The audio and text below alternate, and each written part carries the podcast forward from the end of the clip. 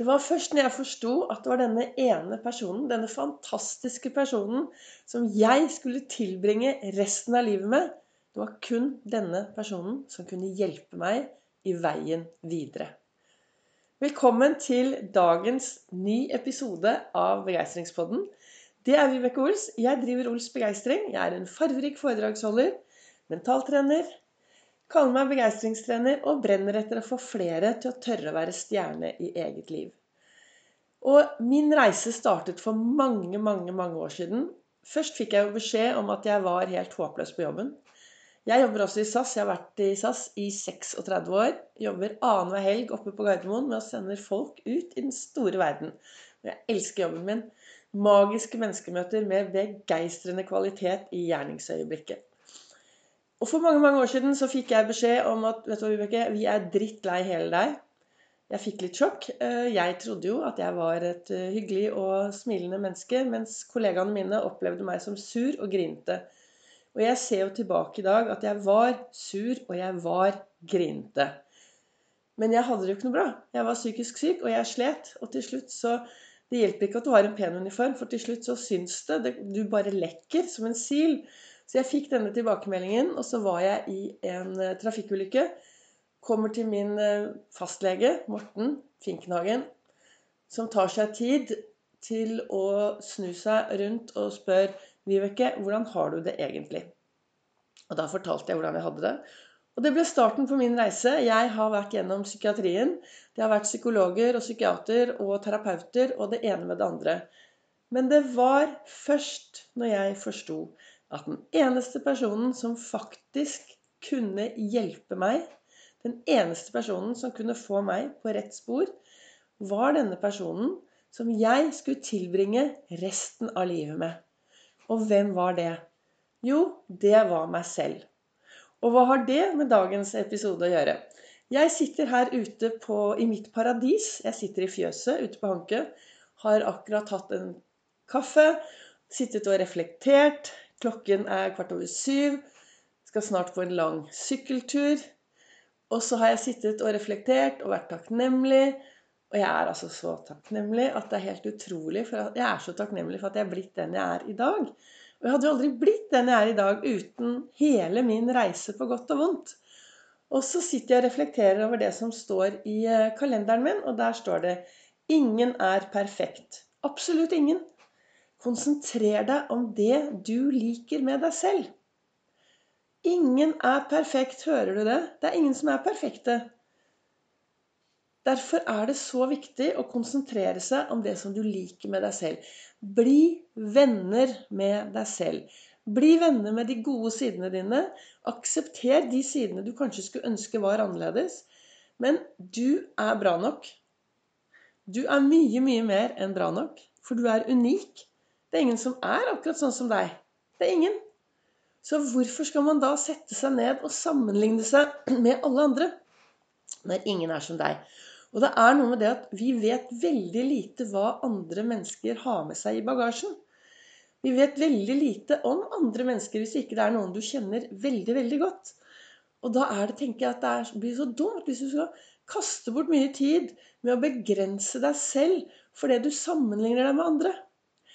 Jeg kjører jo rundt i bilen min med et skjelett i baksetet. I baksetet så sitter El Pasado. Det er fortiden min, og det er et stort skjelett. Men akkurat nå, når jeg dro ned på hytta, så var det ikke plass til han. For da hadde jeg bagasje og sykler og mye, så da ble det litt dårlig plass. Og da dyttet sitteren inn Han ble igjen hjemme. Men vanligvis når jeg er på tur, så sitter El Pasado i baksetet. Det er et stort skjelett. Han er vel 1,50 høy. Og det er fortiden min. I et halvt liv så satt han i forsetet og begrenset meg. Jeg kunne ikke Jeg sa nei, jeg kan ikke, jeg tør ikke, jeg er ikke bra nok. Jeg, liksom, alt var galt. Jeg, det var, dette var jo før jeg begynte, begynte, min reise from zero to hero i eget, eget liv. Men han begrenset meg veldig mye. og Egentlig så, det er nesten Av og til så kan jeg nesten bli litt trist når jeg ser tilbake på alt det jeg begrenset meg selv for det jeg trodde jeg ikke var bra nok. Og så begynte jeg min reise, og så begynte jeg med Ols-metoden. Og så tok jeg et oppgjør med fortiden. Og resultatet er jo at han er med meg på alle mine foredrag. For jeg har jo gått fra å være et på grunn av-menneske til et til tross for-menneske. Før så var det sånn Nei, på grunn av sånn og sånn, så kan jeg ikke gjøre det og det. Mens i dag så er jeg til tross for det og det. Så skal jeg bare gå ut, gripe dagen og ha det gøy. Og være optimistisk i det som skjer rundt meg. Så han eh, El Pasadoen han har jeg plassert i baksetet, og han sitter og ser bakover. Men selv sitter jeg i forsetet og har tatt styring og ser fremover. Så ingen er perfekt. Absolutt ingen. Konsentrer deg om det du liker med deg selv. Og når jeg sier det, så tenker jeg at det er viktig å være realistisk med alt. Eh, det er mange som sier sånn Ja, bare tenk positivt, så blir det så bra. Sånn var jeg også før. Jeg sa det. Lag deg en glad dag, sa jeg. Lag deg en glad dag. Jeg tenker at i dag er det viktigere å lage seg en meningsfylt dag. Det betyr en dag hvor du kan og tør og vil være til stede i alt som skjer i ditt liv. Og det er på godt og vondt. Det er å tørre å kjenne på alle disse rare følelsene som kommer. Jeg er sånn som av og til kan våkne og være skikkelig lei meg. Jeg kan våkne og kjenne på litt sånne rare følelser.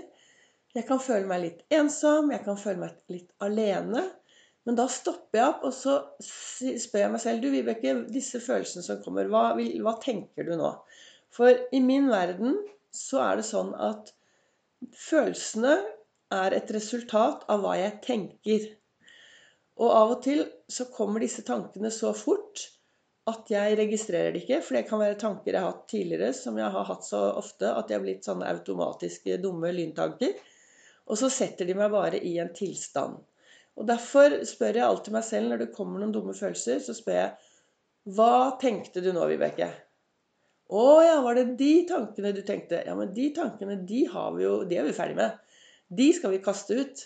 Og så kaster jeg ut de, og så finner jeg noen nye tanker som er bedre. Så jeg går rundt med et sånn sett alternativtanker, kaller jeg det, som jeg har på lur. Så at når de dumme tankene kommer og tar over i topplokket, så kaster jeg de ut, og så dytter jeg inn et par alternativ gode tanker, som bl.a. er, Vibeke, du er bra nok. Hvordan skal vi bruke dette konstruktivt? Og dette kommer til å ordne seg. Så hva ønsker jeg å si til deg med dagens episode av Begeistringspodden? Jeg ønsker å få deg til å gå på skattejakt etter det som er bra med deg selv. Gå nå og finn det som du er bra på. Dine gode sider. Og jeg vet det fins garantert noen gode sider. Snakk til deg selv som om du er din beste venn. Og gå på skattejakt etter disse gode sidene ved deg selv. Det er noe med det at det vi fokuserer 20% på, får vi 80 av. Det heter Pareto-effekten. Så hvis du nå begynner å fokusere på det du gjør, som er bra, de gode sidene dine, så vil du mest sannsynlig få mer og mer og mer og mer av de gode sidene. Tusen takk til deg som lytter til Begeistringspodden. Du finner meg også på Facebook og på Instagram på Ols begeistring.